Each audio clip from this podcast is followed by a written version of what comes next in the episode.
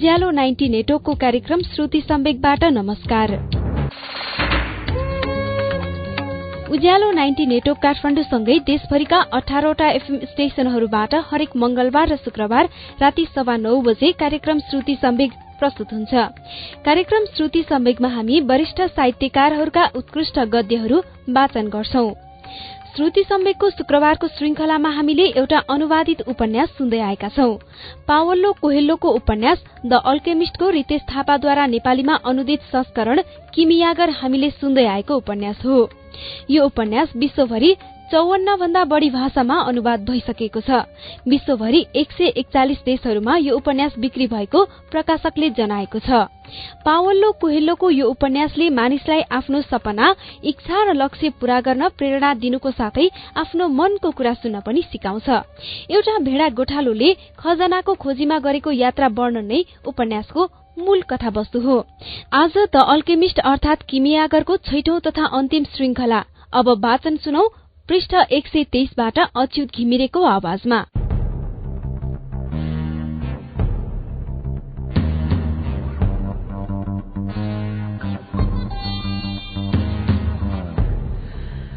नजिकैको सैनिक शिविरमा ती दुवैजनालाई लगियो। एकजना सैनिकले आफ्ना कार्यकर्ताहरूसँग सल्लाह गरिरहेको सरदारको पालमा उनीहरूलाई लग्यो। यिनीहरू जासुस हुन् एकजनाले भन्यो हामीहरू खालि यात्री मात्रै हौ हिमियागरले जवाफ दियो। तीन दिन अघि तिमीहरू दुश्मनको शिविरमा देखेका थियौ। एकजना त त्यहाँ फौजसँग पनि कुरा गरिरहेको थियो।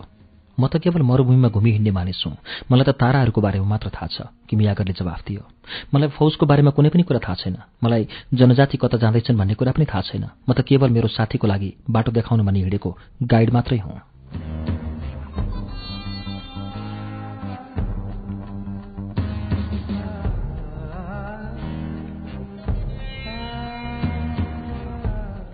सरदारले फेरि सोध्यो तिम्रो साथी को हो?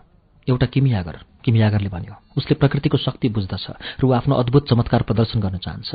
चुप लागेर केटो सुनिबस्यो ऊ डराएको जस्तो देखिन्थ्यो।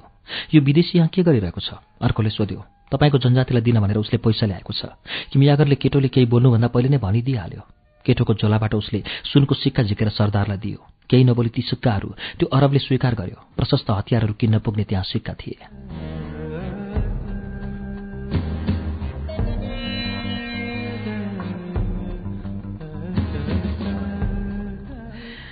किमियागर भनेको के हो त? आखिरमा सरदारले सोध्यो यस्तो मानिस हो त्यो जसले सकृत प्रकृति र संसारलाई बुझेको हुन्छ उसले चाह्यो भने यो शिविरलाई नै हावाको बेगले उडाउन सक्छ। ती मानिसहरू गलल्ल हाँसे।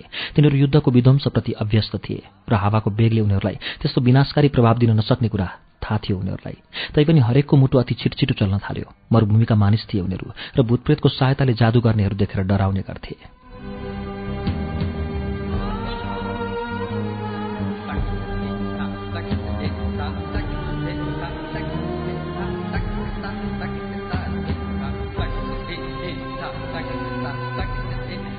उसले त्यस्तो गरेको हेर्न मलाई रहर छ सरदारले फेरि भन्यो। तीन दिन जति लाग्छ त्यसो गर्न। किमियागरले जवाफ दियो। ऊ आफै हावामा परिवर्तित भएर आफ्नो शक्तिको प्रदर्शन गर्नेछ। यदि उसले त्यसो गर्न नसकेको खण्डमा हाम्रो जीवन नै तपाईँको सामान्य हाजिर हुनेछ। जुन कुरा मेरो भइसक्यो त्यो कुरा तिमीले दिइराख्नु पर्दैन सरदारले रिसाएर भन्यो। ती यात्रीलाई उसले तीन दिनको भाखा दियो।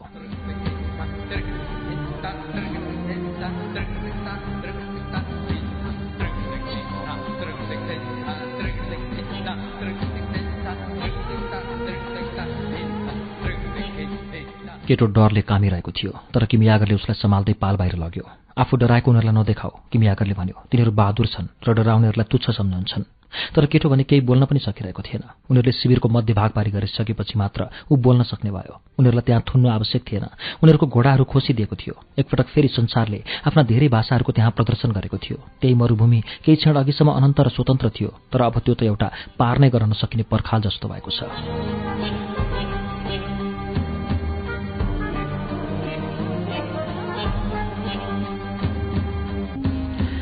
मसँग भएको सबै कुरा तपाईँले दिइदिनु भयो केटोले भन्यो मैले मेरो सारा जीवनभरि जोगाएर राखेका चिजहरू।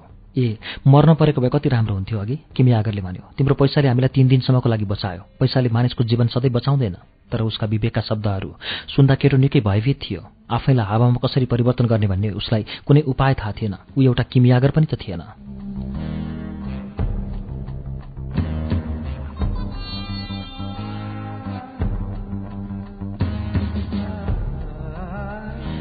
किमी आगरले एकजना सेनासँग चिया मगायो र अलिकति केटोको नाडीमा पोखिदियो।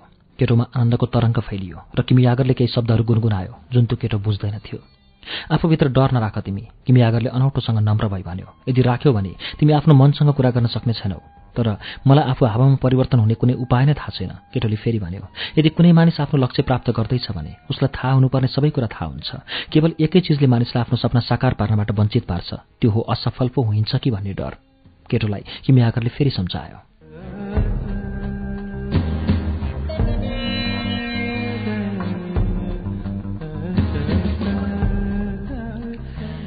म असफल हुन्छु भनेर डराएको होइन। त्यो त केवल म हावामा परिवर्तन हुन नसक्ने भएकोले मात्र पो हो त। केटोले फेरि भन्यो तिमीले सिक्नुपर्नेछ तिम्रो जीवन नै यस कुरामा भर पर्छ। तर यदि मैले सकिनँ भने त्यसो भए तिमी आफ्नो लक्ष्य प्राप्त गर्ने क्रममा मर्नेछौ।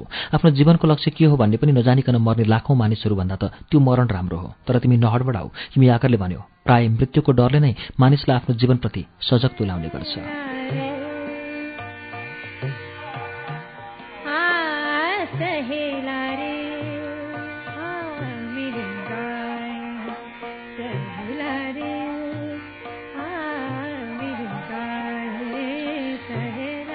पहिलो दिन बित्यो। त्यही नजिकै ठूलो लडाईँ भयो र घाइतेहरू शिविरमा ल्याइए। मरेका सेनाका साटोमा अरू गए र जीवन त्यसरी नै चलिरह्यो। मृत्युले केही पनि परिवर्तन ल्याउँदैन केटोले विचार गर्यो। पछि मरेको भए हुने थियो तिमी। एकजना सैनिकले आफ्नो घाइते साथीलाई हेर्दै भन्यो तिमी शान्तिको घोषणा भएपछि मरेको भए पनि हुने तर तिमी अहिले मृत्युको मुखमा छौ। त्यस दिन ढल्नै लाग्दा किमियागरलाई खोज्न केटो हिँड्यो। किमियागर आफ्नो बाजलाई लिएर मरुभूमितिर गएको थियो।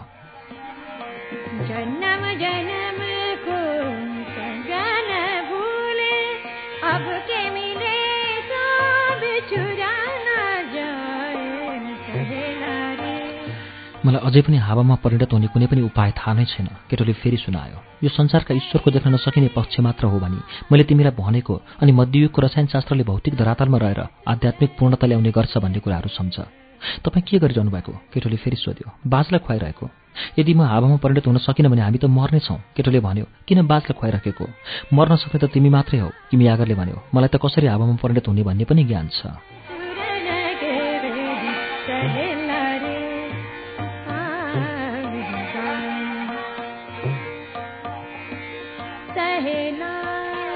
दोस्रो दिन केटोले शिविर नजिकैको ठूलो भिरको माथितिर उक्लियो। उसलाई पहरेदारले जान दियो। आफैलाई हावामा परिणत गर्न सक्ने बोक्सीहरूको बारेमा उनीहरूले सुनेका थिए र उनीहरू त्यो केटोको नजिक जान चाहँदैन थिए कुनै हालतमा पनि मरुभूमि पार गर्न सकिने थिएन। दोस्रो दिनको सारा मध्याह उसले मरुभूमिको अवलोकन गरेरै बितायो र आफ्नो मनको भनाइ सुनेरै बितायो। मरुभूमिले उसको डर थाहा पाएको कुरा उसले थाहा पायो। उनीहरू दुवैजनाले एउटै भाषा बोल्यो।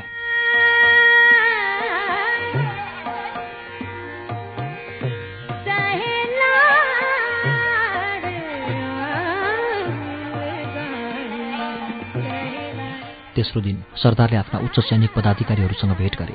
किमी आगरले उसलाई किमी आगरलाई उसले सभामा बोलाएर भने ल हावामा परिणत हुने केटोलाई हेर्न जाउँ। ल जाउँ किमी आगरले जवाफ दियो। उनीहरूलाई केटोले आफू हिजो गएको भिरमा लग्यो। उसले सबैलाई बस्न आग्रह गर्यो।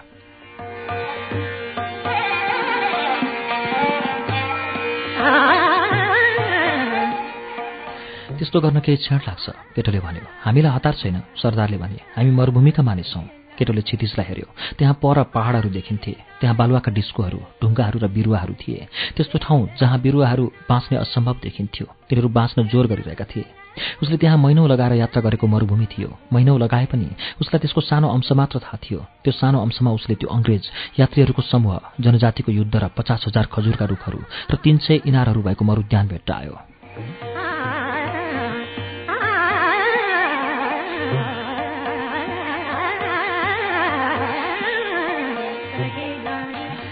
तिमीलाई के चाहियो आज? उसलाई मरुभूमिले सोध्यो। तिमीले हिजो लामो समयसम्म मलाई हेरेर बिताएको होइन? केटोले उत्तर दियो। कहीँ कतै तिमीले मेरी मायालुलाई लुकाइराखेका छौ? केटोले भन्यो। त्यसैले त म जब तिम्रो बालुवामाथि हेर्छु मैले उनलाई पनि हेरिरहेको हुनेछु।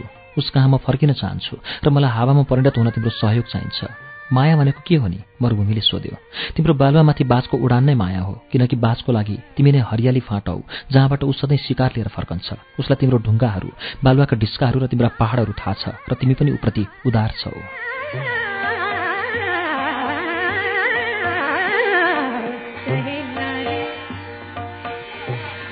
मरुभूमिले फेरि भन्यो बाजको चुच्चोले मेरो अंश पनि बोकेर लैजान्छ वर्षौँदेखि मैले उसको शिकारको ख्याल गरेँ। त्यसलाई आफूसँग भएको अलिकति पानी पानी पनि खान दिएँ। एक दिन मैले उसको शिकार मेरै भूभागमा हुर्कने बढ्ने गर्छ भन्ने सत्यप्रति उसले आनन्द अनुभव गरिरहेको बेलामा ऊ आकाशबाट तल झम्टियो र मैले सृजना गरेको जीव टिपेर लग्यो। त्यसै कारण त तिमीले शिकारको पहिलो सृजना गरेको केटोले जवाफ दियो। बाजलाई पोषित गर्न भने शिकार पनि मानिसलाई पोषित गर्न बाज। यसरी नै संसार चलेको हुन्छ। त्यसो भए माया भनेको के त्यही हो त? हो माया भनेको त्यही हो। यसरी शिकारलाई बाज बनाउँछ बाजलाई मानिस अनि मानिसलाई मरुभूमिमा परिणत गर्नेछ। यही हो जसले संसारलाई सुनमा परिणत गर्छ र सुनलाई पृथ्वीमा फर्काउँछ।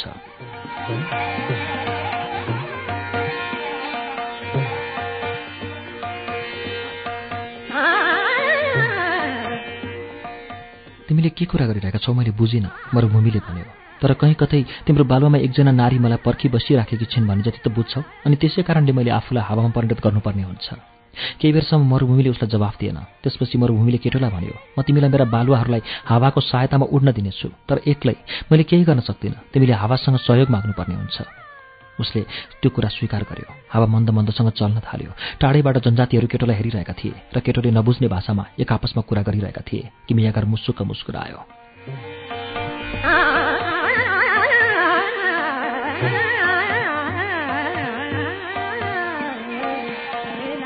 केटोको नजिकै आएर हावाले उसको अनुहार छोयो। केटोको मरुभूमिसँगको कुराकानी यसलाई थाहा थियो किनकि हावालाई सबै थोक थाहा हुन्छ।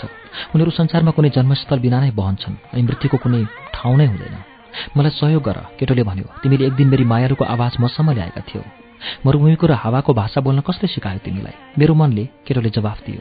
हावाका धेरै नामहरू छन्। त्यो भेगमा हावालाई सिरोकको भनिन्थ्यो किनकि त्यसले महासागरबाट पूर्वतिर आतुर भएर जाने गर्दथ्यो। त्यो केटो टाढाबाट जहाँबाट आएको थियो त्यतातिर त्यसलाई ल्याभेन्टर भनिन्थ्यो किनकि मानिसहरू त्यसले मरुभूमिको बालुवा र मुरिस युद्धको कोलाहाल ल्याउँछ भन्ने विश्वास गर्दथे। सायद फाँटहरूका पछाडि जहाँ उसका भेडाहरू बस्दथे त्यहाँका मानिसहरू एन्डालोसियाबाट हावा आउँछ भनी सोच्दछन् होलान्। तर वास्तवमा हावा कुनै एकै ठाउँबाट पनि आउँदैन र एकै ठाउँमा पनि जाँदैन। त्यसैले त यो मरुभूमिभन्दा पनि शक्तिशाली छ। एक दिन कसैले मरुभूमिमा रुख रोप्न सक्छ र त्यही आफ्ना भेडाहरू पाल्न पनि सक्छ तर कहिल्यै हावालाई भने बाँध्न सक्दैन।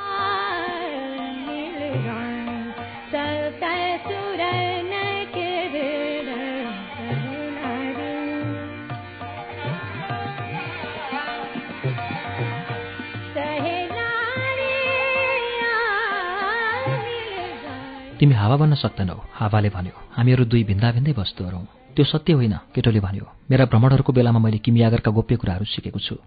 मभित्र हावा मरुभूमि महासागर ताराहरू र ब्रह्माण्डमा उत्पत्ति भएका सबै चिजहरू छन्। हामी सबै एकै हातले बनेका हौँ र हामी सबैको एकै आत्मा छ। म तिमी जस्तै भनेर विश्वको कुना काप्सामा जान चाहन्छु। म समुद्रको वरिपरि बहन बालुवाहरू उडाई मेरो खजाना भेट्टाउन र मेरी मायालुको आवाज बोकी डुल्न चाहन्छु।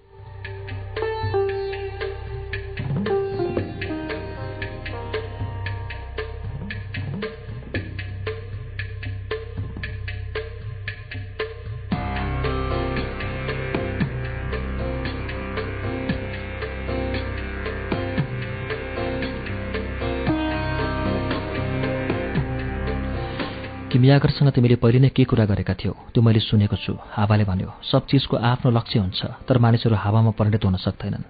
मलाई केही क्षणको लागि हावा बन्न सिकाइदेऊ केटोले भन्यो। त्यसपछि मानिसहरूको र हावाको असीमतालाई सम्भव गर्ने कार्यहरूका बारेमा तिमी र म छलफल गर्नेछौँ।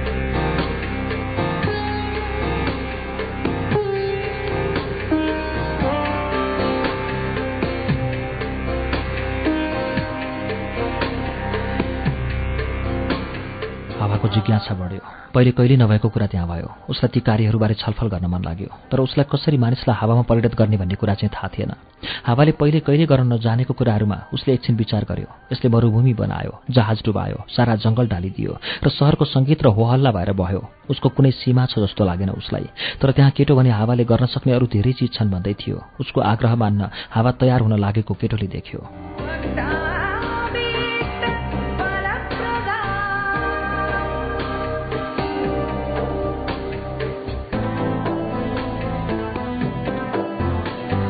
यसैलाई त हो हामीले माया भनेको केटोले भन्यो। जब तिमी माया पाउँछौ तिमीले यो सृष्टिमा जे पनि गर्न सक्छौ यताउति के भइरहेछ भने जान्न जरुरी हुँदैन। किनकि जे हुन्छ त्यो तिमीभित्रै हुन्छ र जहिलेसम्म हावाले साथ दिन्छ मानिस पनि हावामा परिणत हुन सक्छन्।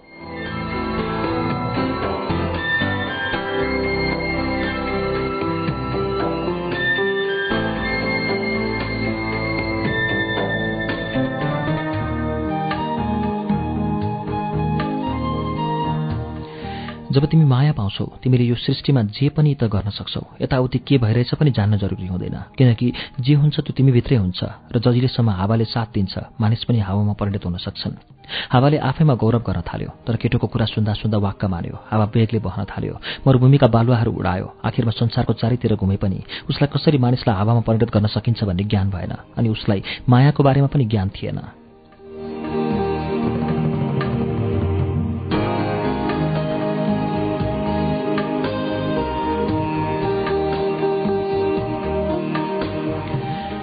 मेरो विश्वभरको भ्रमणमा धेरै पटक मैले मानिसहरू मायाको कुरा गरेर आकाशतर्फ हेरिरहेको देखेको छु। हावाले भन्यो सायद आकाशलाई नै सोध्नु राम्रो हुन्छ। ए त्यसो भए मलाई आकाशसँग सोध्न मद्दत गर। केटोले भन्यो त्यो ठाउँमा घाम नै छेकिने गरी बालुवाहरू उडाइदेऊ। मलाई घामसँग कुरा गर्नु छ। त्यसपछि बेगसँग हावा बहन थाल्यो।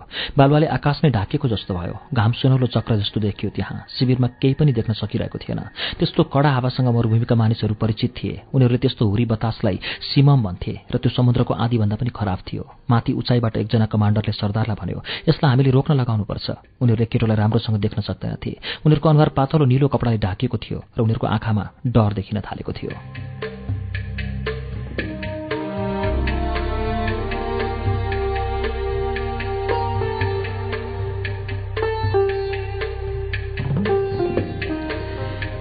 यसलाई यहीँ रोकौँ अर्को कमान्डरले भन्यो अल्लाहको महानता हेर्न चाहन्छु म। सरदारले श्रद्धापूर्वक भन्यो एकजना मानिस कसरी हावामा परिणत हुन्छ भन्ने कुरा म हेर्न चाहन्छु। त्यहाँ डराउने दुईजना कमान्डरको नाम उसले याद गर्यो। हावाको बेग जसै साम्य हुन्छ। उसलाई तिनीहरूले पदच्युत गर्नु थियो किनकि मरूभूमिका सच्चा मानिसहरू डराउँदै डराउँदैनन्। केटोले घामलाई भन्यो मायाको बारेमा तिमीलाई थाहा छ भने मलाई हावाले सुनायो। यदि तिमीलाई थाहा छ भने तिमीलाई विश्वको आत्माको बारेमा पनि थाहा हुनुपर्छ किनकि त्यो मायाले बनेको हुन्छ।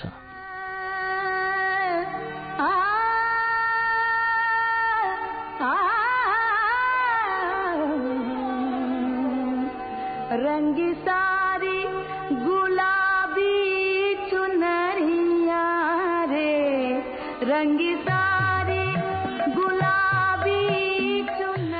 म जहाँ छु त्यहाँबाट म विश्वको आत्मा देख्न सक्छु। घामले भन्यो त्यो मेरो आत्मासँग विचार आदान प्रदान गर्छ। र हामी सँगसँगै बोट बिरुवाहरूलाई हुर्काउँछौँ अनि भेडाहरूलाई छाया दिन्छौँ। म जहाँ छु त्यो पृथ्वीभन्दा धेरै टाढा छ र यो टाढापनमा मैले माया गर्न जाने। म पृथ्वीतिर अलिकति मात्र नजिक बढेँ भने पनि सबै चिज नष्ट हुन्छ र विश्वको आत्मा पनि बाँकी रहन्न भन्ने कुरा मलाई थाहा छ। त्यसैले हामी एकअर्कालाई हेरिरहन्छौँ र चाहिरहन्छौँ। म पृथ्वीलाई जीवन र न्यानोपन दिन्छु र उसले मलाई बाँच्ने आधार दिन्छन्।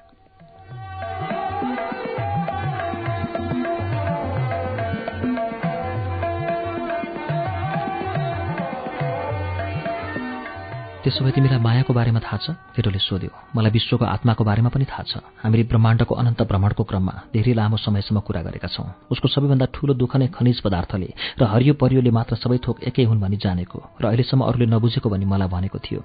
फलामलाई तामा जस्तो र तामालाई सुन जस्तो बन्न कुनै आवश्यकता छैन। सबै अद्वितीय भई आफ्ना काम गर्छन्। यी सबै लेख्ने हात सृष्टिको पाँचौँ दिनमा यदि रोकिएको भए जताततै सबै चिज शान्तिको ध्वनिसँग आफ्नो कार्य सिद्धि गरिरहेको हुने थियो।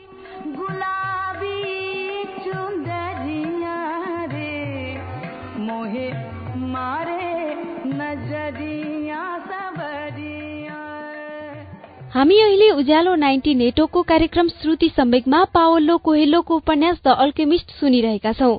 यसलाई रितेश थापाले नेपालीमा अनुवाद गर्नुभएको हो। केही बेरपछि यसको बाँकी अंश वाचन निरन्तर हुनेछ। उज्यालो सुन्दै गर्नुहोला।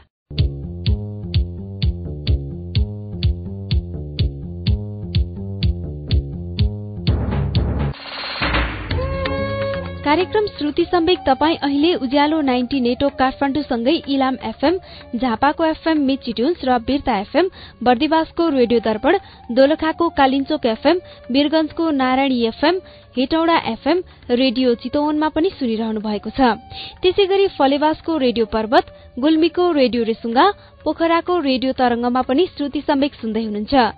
रेडियो प्युठान दाङको रेडियो मध्यपश्चिम कपिलवस्तुको रेडियो बुद्ध आवाज भेरीको रेडियो कोहलपुर सल्यानको रेडियो राप्ती सुर्खेतको रेडियो भेरी र जुम्लाको रेडियो कर्णालीबाट पनि अहिले एकैसाथ श्रुति सम्वेक प्रसारण भइरहेको छ।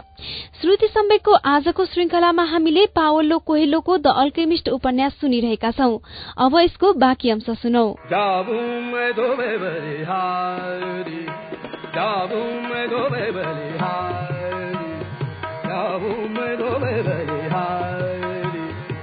तर छैठौं दिन पनि थियो त्यहाँ। घामले भन्यो टाढाबाट सबै कुरा राम्रोसँग अवलोकन गर्नाले तिमी बुद्धिमान हुनेछौ केटोले भन्यो। तर तिमीलाई मायाको बारेमा ज्ञान छैन। यदि त्यहाँ छैठौँ दिन नभएको भए मानिसको पनि सृष्टि हुने थिएन। तामा सधैँ तामा र सिसा सधैँ सिसा नै हुने थियो। सबै चिजको लक्ष्य हुन्छ भन्ने कुरा सत्य हो तर एक दिन त्यो लक्ष्य बुझिनेछ। त्यसैले हरेक चिज आफूभन्दा राम्रोमा परिणत हुन्छ र नयाँ लक्ष्य तबसम्म पाइरहन्छन् जहिलेसम्म विश्वको आत्मा एकै मात्र बन्दछ।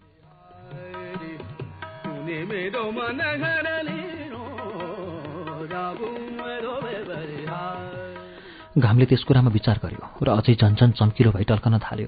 कुराकानीको आनन्द लिइरहेको हावा पनि बेगसँग बहन थाल्यो जसले गर्दा केटोको आँखा घामको चकिलोपनले बिग्रनबाट बस्ने थियो। त्यसै कारण त मध्ययुगीय रसियन शास्त्रको अस्तित्व छ केटोले भन्यो सबैले आफ्ना खजाना खोज्छन्। र जब पाउँछन् उनीहरू पहिलेको भन्दा राम्रोसँग जिउन चाहन्छन्। संसारमा सिसाको काम होन्जेल यसले आफ्नो कार्य निर्वाह गरिरहन्छ र जहिले संसारमा यसको काम हुँदैन तब यो आफ्नै सुरमा परिणत हुनेछ।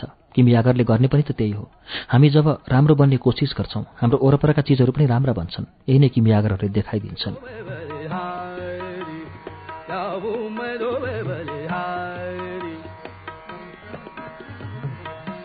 तिमीले किन मलाई मायाको बारेमा ज्ञान छैन भनेको घामले केटोसँग सोध्यो किनकि मरुभूमि जस्तो गतिहीन हुनु र हावा जस्तो उद्देश्यविहीन भई घुम्नु माया होइन। अनि तिमीले गरे जस्तै सबै चिज टाढाबाट हेर्नु पनि माया होइन। माया त त्यस्तो शक्ति हो जसले विश्वको आत्माको विकास गर्छ। पहिलोपटक जब म त्यसभित्र पुगेँ मैले विश्वको आत्मालाई निपुण ठाने। तर त्यो पनि सृष्टिको अरू पक्ष जस्तै रहेछ भने मैले पछि थाहा पाएँ। कसैको पनि आफ्नै शोक र सङ्घर्ष हुँदो रहेछ। विश्वको आत्मालाई पोषित पार्ने हामी हौ। हामी राम्रो वा नराम्रो हुनाले हाम्रो संसारलाई पनि त्यस्तै बनाउँछौँ। यही नै मायाको शक्ति हुन्छ किनकि जब हामी माया गर्छौँ हामी सधैँ आफूभन्दा राम्रो बन्ने कोसिस गर्छौँ।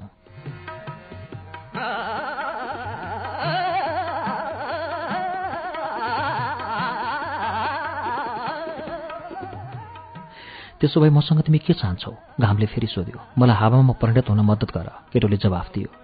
प्रकृतिले मलाई सृष्टिको सबैभन्दा बुद्धिमान भनी ठान्छन् घामले भन्यो तर तिमीलाई कसरी हावामा परिणत गर्ने भन्ने मलाई ज्ञान छैन। त्यसो भए म कसलाई सोधौँ त? घामले एकछिन जति गोरियो उनीहरूको गफ हावाले सुनिरहेको थियो। संसारका सबै कुनामा घामको विवेकको सीमित रेखा रहेको र विश्वको भाषा बोल्ने केटोको समस्या हल गर्न नसकेको कुरा ऊ भन्न चाहन्थ्यो। जसले यी सबै कुरा लेखेका हुन् सृष्टि गरेका हुन् उनीलाई सोध। घामले उत्तर दियो।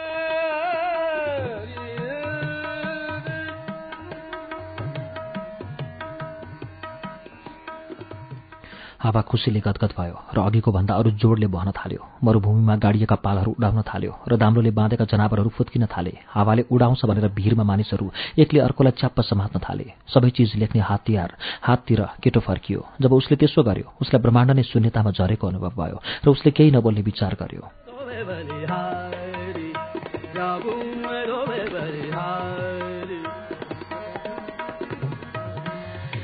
मायाका तरङ्ग उर्लिएर आयो। उसको मनबाट र ऊ प्रार्थना गर्न थाल्यो। उसले कहिले पनि नभनेको त्यो प्रार्थना थियो किनकि बिना शब्द र बिना अनुरोधको प्रार्थना थियो त्यो।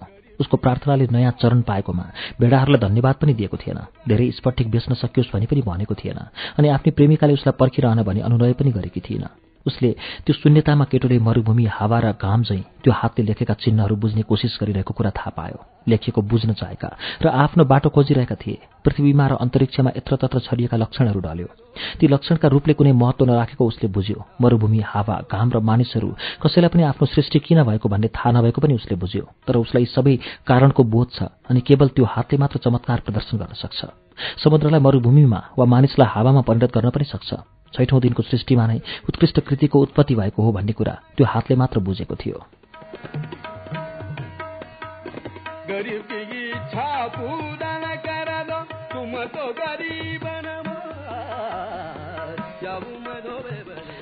विश्वको आत्मामा केटो पुग्यो र विश्वको आत्मा पनि ईश्वरको आत्माभित्र देख्यो। ईश्वरको आत्मा भनेको पनि आफ्नै आत्माभित्र उसले देख्यो। त्यसैले केटोले चमत्कार गर्न सक्थ्यो। त्यस दिन सिमम एकदमै बेगले भयो त्यसपछिका पुस्तौँ पुस्ताले त्यो केटो हावामा परिणत भएको बखान गर्ने भए। सम्भवतः उसले मरुभूमिकै सबैभन्दा शक्तिशाली सरदारको सैनिक शिविर लगभग ध्वस्त पारिदियो। सिमम जब शान्त भयो सबैले केटो उभिएको भिरतिर हेरे तर ऊ भने त्यहाँ थिएन। ऊ त शिविरको पर बालुवाले पहरा दिन बनाएको डिस्कोमा थियो। मानिसहरू उसको बोक्सी विद्या देखेर डराए तर त्यहाँ मुसु मुसु हाँसिरहने दुईजना व्यक्ति थिए। एकजना किमियागर जसले एकदमै निपुण शिष्य भेट्टाएको थियो र अर्को सरदार किनकि त्यो शिष्यले ईश्वरको गौरव बुझेको थियो। अर्को दिन त्यहाँको जर्नेले उनीहरूलाई विदाई दियो र सम्मानका साथ केही सैनिकहरूलाई सँगै पठाइदियो जहाँसम्म उनीहरूले चाहन्थे त्यहीँसम्म ती सुरक्षाकर्मीलाई जानु थियो।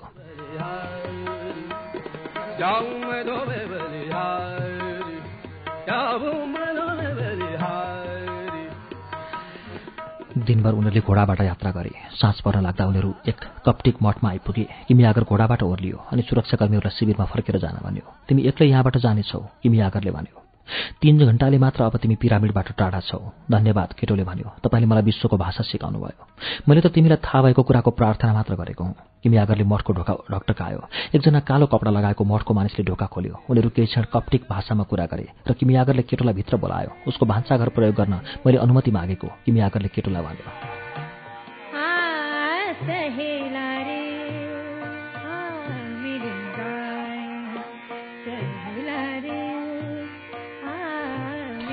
उनीहरू मठको पछिल्तिर रहेको भान्साघरमा गए।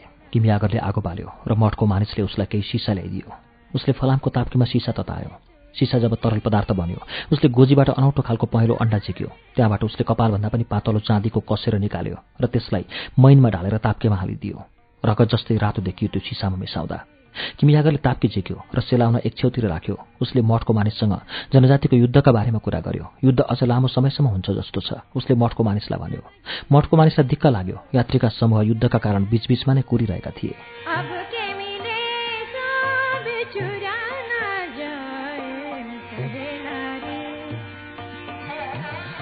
ताप्के जब सेलायो केटो र मठको मानिस त्यसलाई देखेर चकित भए। सिसा ताप्केको आकारमा सुकेको थियो अनि त्यो अब सिसा थिएन त्यो त सुन थियो। के कुनै दिन म यस्तो गर्न जान्ने हुनेछु? केटोले सोध्यो। त्यो त मेरो लक्ष्य हो तिम्रो होइन तिमी आगरले जवाफ दियो। तर यो सम्भव छ भने म तिमीलाई देखाउन चाहन्थेँ। मठको ढोका नजिकै उनीहरू गए। त्यहाँ किमी आगरले सुनको चक्कालाई चार टुक्रा पार्यो। यो तिमीलाई भन्दै किमी आगरले त्यो मठको मानिसको हातमा सुनको एक टुक्रा दियो।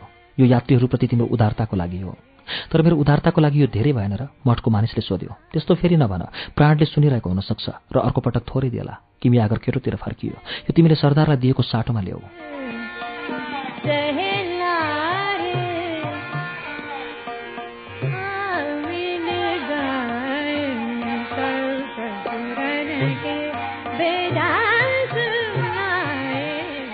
सरदारलाई दिएको भन्दा त उसले धेरै पायो भन्न खोज्दै थियो तर ऊ चुप्प लाग्यो किनकि किमियागरले मठको मानिसलाई भनेको कुरा उसले सुनेको थियो। अनि यो मेरो लागि किमियागरले एउटा सुनको टुक्रा आफूसँग राख्दै भन्यो किनकि मलाई जातीय युद्ध भएको ठाउँमा फर्किनु छ। चौथो टिक्रा उसले मठको मानिसको हातमा दियो। यो केटोको लागि हो। कुनै दिन यदि उसलाई जरुरी पर्यो भने दिनु। तर म त आफ्नो खजाना खोज्न जाँदैछु केटोले भन्यो। म अहिले खजानाको निकै नजिक छु। तिमीले पाउनेछौ भन्ने कुरामा मलाई विश्वास छ किमी आगरले भन्यो। त्यसो भए मलाई यो किन त फेरि? किनकि तिमीले पहिले नै दुई पटक आफूले जोगाएर राखेको गुमाइसक्यौ एकपटक चोरसँग र अर्को सरदारसँग। म त बुढो अन्धविश्वासी परे त्यसैले हाम्रा यस्ता भनाइ म मान्छु। एउटा भनाइ छ जुन कुरा एकपटक हुन्छ त्यो कहिले पनि दोहोरिँदैन तर जुन चाहिँ दुई पटक हुन्छ त्यो पक्कै पनि तेस्रो पटक पनि हुनेछ। उनीहरू घोडामा चढे।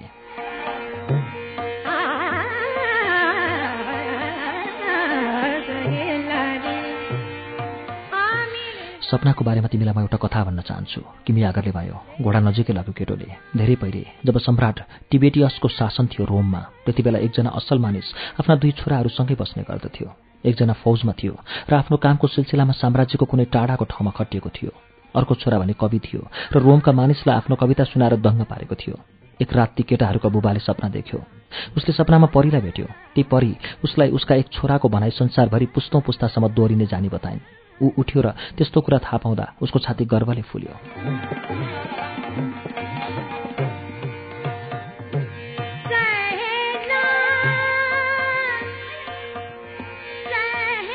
त्यसको केही दिनपछि गाडाले किच्न लागेको बच्चालाई बचाउँदा उसको मृत्यु भयो। उसले जीवनभर राम्रो काम गरेको हुनाले ऊ सोझै स्वर्ग पुग्यो। त्यहाँ उसले सपनामा देखेको परिलाई भेट्यो। तिमी सधैँ राम्रो मानिस थियौ परीले उसलाई भनिन्। तिमीले आफ्नो जीवन दयालु भएर बितायो र गौरवसँग मृत्युको सामना गर्यौ। म तिम्रो कुनै इच्छा भए पुरा गरिदिनेछु भन। जीवन मेरो लागि राम्रो थियो त्यो मानिसले भन्यो। जब मैले हजुरलाई सपनामा देखेँ मलाई मेरा परिश्रमको फल मिले जस्तो लाग्यो किनकि मेरा छोराको कविता आउने पिँढीले पढ्नेछन्। मेरो लागि मलाई केही चाहिँदैन। आफूले पालन पोषण गरेर गरेको बच्चाले पढेर नाम कमाएपछि जुनसुकै बुबाले पनि गर्व गरिहाल्छ नि। भविष्यमा कुनै बेला म मेरो छोराका शब्दहरू हेर्न चाहन्छु।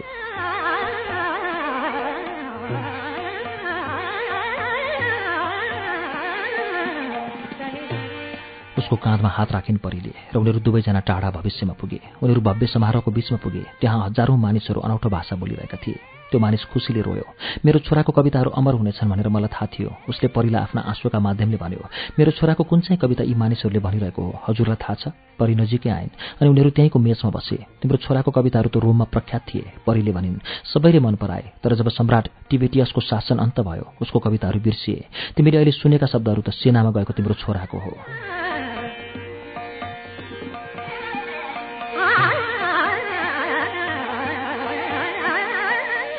आश्चर्य मानेर त्यो मानिसले परिलाई हेऱ्यो। साम्राज्यको टाढाको ठाउँमा तिम्रो छोरा खटिएपछि सेनाको गणपति भयो। ऊ निष्पक्ष थियो राम्रो थियो। एक दिन उसको काम गर्ने मानिस बिरामी पर्यो र मृत्युको मुखमा पुगिसकेको जस्तो देखिन्थ्यो। रोगको उपचार गर्न जान्ने यहुदी कानुनको गुरुको बारेमा उसले सुनेको थियो। दिनका दिन घोडामा चढेर उसले त्यो गुरुलाई खोज्न थाल्यो। ईश्वर पुत्रको खोजीमा आफू हिँडेको उसलाई बोध भयो। त्यो गुरुले पहिले नै उपचार गरिसकेका मानिसहरूसँग तिम्रो छोराले भेट्यो। उनीहरूले तिम्रो छोरालाई सल्लाह दिए। ऊ रोमन सेनाको गणपति भए पनि उसले उनीहरूको विचार स्वीकार गर्यो। त्यसपछि केही समयमा नै ऊ त्यो गुरु बस्ने ठाउँमा पुग्यो।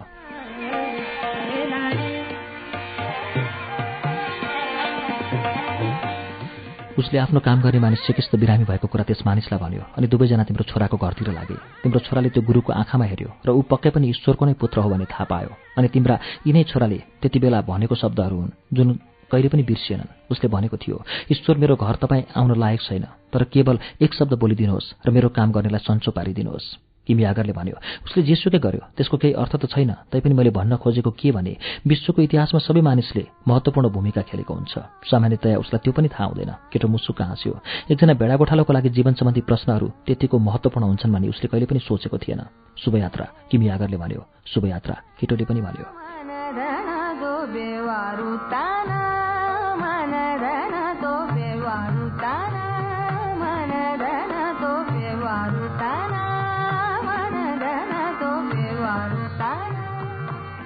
घण्टौँसम्म केटो मरुभूमिमा एक्लै यात्रा गर्न थाल्यो। उत्सुकतावश उसले मनको कुराहरू सुन्यो। खजाना कता लुकेको छ भन्ने कुरा जान्ने उसको मन थियो। तिम्रो खजाना जहाँ हुन्छ त्यहाँ तिम्रो मन हुनेछ।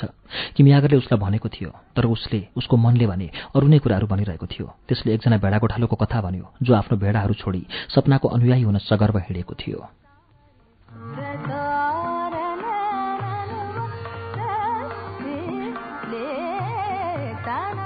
आफ्नो र अरू धेरै मानिसहरूको लक्ष्यको बारेमा त्यसले उसलाई भन्यो जो टाढा टाढा ठाउँमा सुन्दरीहरूको खोजीमा वा समकालीन मानिसहरूसँगको परामर्शको लागि घुमेका थिए त्यसले यात्रा खोज पुस्तकहरू र परिवर्तनका कुराहरू पनि भन्यो। जब ऊ अर्को बालुवाको डिस्को उक्लन लागेको थियो उसको मन चुसायो जहाँ तिमीलाई आँसु आउँछ त्यस्ता ठाउँहरूप्रति ध्यान दिनु म त्यहीँ हुन्छु र तिम्रो खजाना पनि त्यहीँ हुनेछ।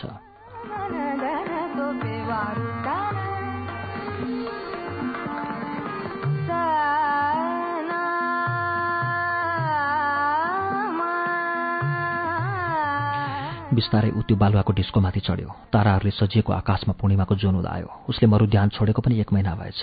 चन्द्रमाको प्रकाशले मरुभूमिका बालुवाका डिस्कोहरूलाई समुद्रका छालहरू जस्तो छायाको आकार दिन्थ्यो। त्यो दृश्यले उसलाई किमियागरसँगको पहिलो भेटको सम्झना दिलायो। ऊ बालुवाको डिस्कोमाथि जब पुग्यो उसको मन खुसीले नाच्यो। त्यहाँबाट पूर्णिमाको प्रकाश परेका भव्य ऐश्वर्यपूर्ण तर शान्त इजिप्टका पिरामिडहरू देखिन्थ्यो। घुँडा टेकी त्यो केटो रुन थाल्यो खुसीले। उसले आँसु खसाल्यो आफ्नो लक्ष्य पूरा गर्न लागेकोमा र राजा स्पट्टिका साउ अङ्ग्रेज र किमियागरसँग भेटाइदिएकोमा उसले ईश्वरलाई धन्यवाद दियो। उसले मरुभूमिको फातिमा भेट्यो। उसले मानिसलाई आफ्नो लक्ष्य पूरा गर्न मायाले कहिले पनि नरोक्ने कुराको ज्ञान गराएकी थिइन्। त्यसो हुनाले पनि उसले ईश्वरमा साधुवाद अभिव्यक्त गर्यो।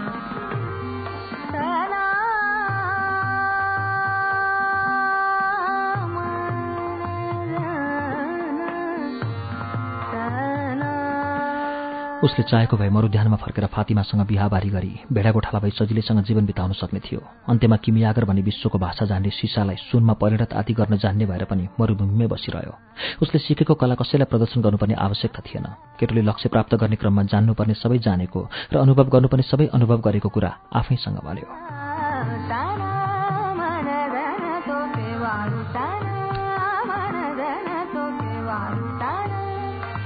कुनै पनि काम उद्देश्य पुरा नभइकन नबिर्सिने कुरा केटोलाई सम्झना भयो। वरपर बालुवामा उसले हेऱ्यो र उसले आफ्नो आँसु झरेको ठाउँ पत्ता लगायो। त्यस ठाउँलाई एउटा गोब्रे किराले खोस्लिरहेको देख्यो। त्यसबेला गोब्रे किराले खोस्रनु भनेको ईश्वरको सङ्केत हो भने उसले इजिप्टमा छँदा जानेको थियो। अर्को लक्षण केटोले बालुवाको डिस्को खन्न थाल्यो। उसले खन्दै गर्दा स्पटिक साउले एकपटक त्यस्ता पिरामिड त घर पछाडि नै बनाउन सकिने भनेको कुराको सम्झना भयो। तर उसले त्यो कुरा जीवनभर ढुङ्गाको चाङ लगाउँदै गए पनि नसकिने भन्ने कुरो बुझ्यो।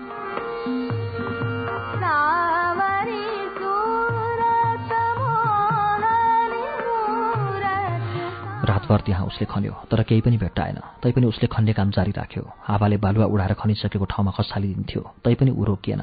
उसको हातमा ठेला उठ्यो थकित भयो तर उसले आफ्नो मनको कुरा सुन्यो। उसलाई जहाँ उसको आँसु झरेको छ त्यहीँ खन्नु भन्ने उसले भनेको थियो। तलतिर भेटेको ढुङ्गा झेक्ने प्रयास गर्दा गर्दै उसले त्यहाँ कोही आइरहेको पाइतालाको आवाज सुन्यो। केही मानिसहरू त्यहाँ आइपुगे। उनीहरूको पछाडि चन्द्रमाको प्रकाश भएकोले उनीहरूको न त आँखा देखिन्थ्यो न त मुख नै।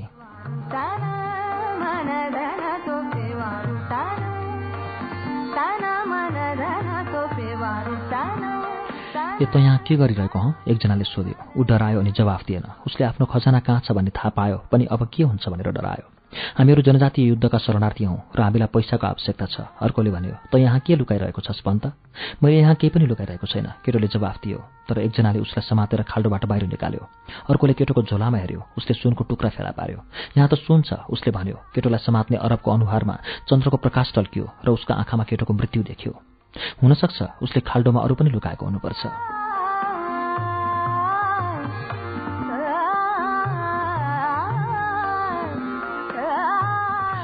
यिनीहरूले केटोलाई खन्ने काम जारी राख्न लगाए। घाम जसै उदायो। ती मानिसहरूले केटोलाई पिट्न थाले। उसको शरीरभरि घाउ नै घाउ थियो र त्यहाँबाट रगत चुहिरहेको थियो। उसका कपडाहरू जोत्रा भइसकेका थिए र उसलाई आफ्नो मृत्यु नजिकै छ जस्तो भान भयो। यदि तिमी मर्दैछौ भने पैसाको के काम? सधैँ पैसाले मानिसको जीवन बचाउन पनि त सक्दैन किमी आगरले भनेको थियो। आखिरमा कराउँदै उसले ती मानिसहरूलाई भन्यो म यहाँ खजानाको लागि खनिरहेको हुँ। उसको मुखबाट रगत आइरहेको र मुख सुनिएको भए पनि उसले ती मानिसहरूलाई आफूले इजिप्टको पिरामिड नजिकै खजाना पुरिरहेको दुई पटकसँग सपना देखेको कुरा सुनायो। एकजना मानिस जो उनीहरूको नेता जस्तो देखिन्थ्यो उसले त्यो केटालाई छोड भनी भन्यो उसँग केही पनि छैन र त्यो सुन पनि कतै चोरेको हुनुपर्छ भनी शङ्का गर्यो।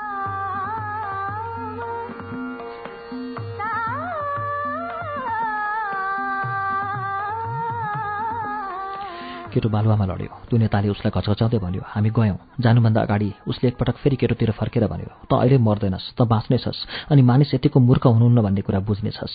दुई वर्ष पहिले यसै ठाउँमा मैले बारम्बार एउटा सपना देखेको थिएँ। मैले स्पेनको खेतहरूमा गई भेडा गोठालाहरू र उनीहरूका भेडाहरू सुत्ने गरेको एउटा भत्किएको गिर्जाघरमा जानुपर्ने भनी सपना देखेको थिएँ। सपनामा त्यहाँ गिर्जाघरको वस्त्रालयमा एउटा फिरफिरेको रुख उम्रेको देखिन्थ्यो अनि मैले त्यो रुखको जरामा भने खने भने गाडदान भेटाउनेछु भनेको थियो। तर बारम्बार देखेको सपनाको कारणले गर्दा सारा मरुभूमि पार गरी हिँड्ने म मूर्ख थिइनँ। त्यसपछि सबैजना त्यहाँबाट गए। कामदा कामदै केटो बिस्तारै उठ्यो अनि एकपटक फेरि ती पिरामिडहरूतिर हेऱ्यो। तिनीहरू उतिर हाँसिरहेको जस्तो देखिन्थ्यो अनि ऊ पनि हाँस्यो। उसको मन खुसीले गदगद भयो किनकि उसलाई उसको खजाना कहाँ छ भन्ने अहिले ज्ञान भयो।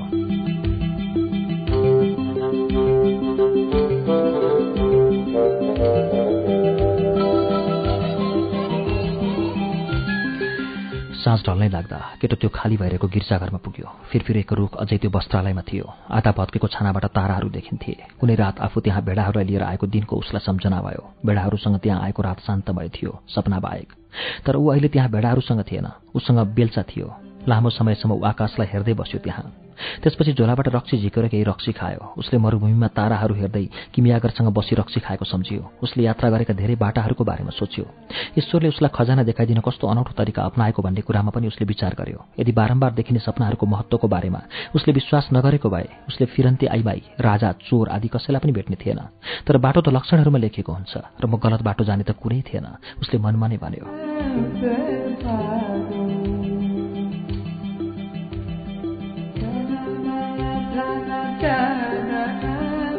ऊ निधायो अनि ऊ जब उठ्यो घाम निकै माथि पुगिसकेको थियो। फिरफिरेको रुखको जरामा उसले खन्न थाल्यो। तँलाई बुढो केटोले आकाशलाई कराउँदै भन्यो सबै कुरा तिमीलाई थाहा थियो। यस गिर्जाघरमा म फर्कन सकौँ भनेर मठको मानिसलाई एक टुक्रा सुन पनि छोडिदिएका थियौ। म झुत्री भएर गएको देखेर मठको मानिस हाँसेको थियो। मलाई त्यत्रो यात्रा गर्नबाट रोक्न सकिन्न थियो त? अह सकिन्न थियो। हावाले भनेको उसले सुन्यो। यदि मैले पहिले नै भनिदिएको भए तिमीले पिरामिड नै देख्ने थिएनौ। तिनीहरू राम्रा थिए होइन र? केटो मुसुक हाँस्यो अनि खन्ने काम गरि नै रह्यो। आधा घण्टापछि उसको बेलचाले केही कडा चिजमा हाल्यो। एक घण्टापछि उसको अगाडि स्पेनका सुनका असर्फी भएको बलियो बाकस फेला पर्यो। त्यहाँ बहुमूल्य पत्थरहरू राता र सेता प्वाख भएका सुनका नकाब र बहुमूल्य रत्नजडित ढुङ्गाका मूर्ति पनि थिए। त्यो खजाना कुनै युद्धका विजयीले लगेको कुरा जुन देशले नै धेरै वर्ष अघि बिर्सिसकेको थियो। त्यो विजयीले पनि आफ्ना सन्तानलाई त्यो खजानाको बारेमा भन्न असमर्थ भएको थियो।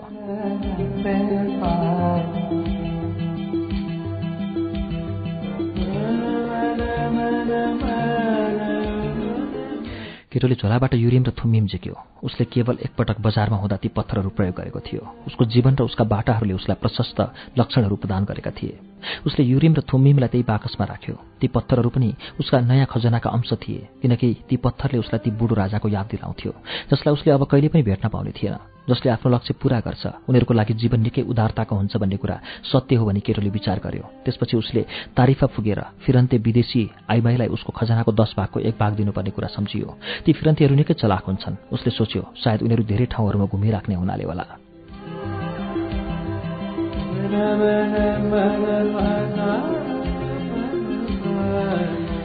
हावा फेरि चल्न थाल्यो। त्यो लेभ्यान्टर थियो जुन अफ्रिकाबाट बहँदै आउँथ्यो। त्यसले मरुभूमिको बासना र मुरिस आक्रमणको डरको सूचना ल्याएको थिएन। त्यसले त बरु उसले चिनेको सुगन्ध र चुम्बनको स्पर्श ल्याएको थियो। त्यो चुम्बन धेरै टाढाबाट बिस्तारै बिस्तारै आयो र उसको ओठमा विश्राम गर्यो। केटो मुसुक्क हाँस्यो। यो उसको पहिलो चुम्बन थियो। उसले भन्यो म आउँदैछु फातिमा। फातिमा आउँदैछु म अब।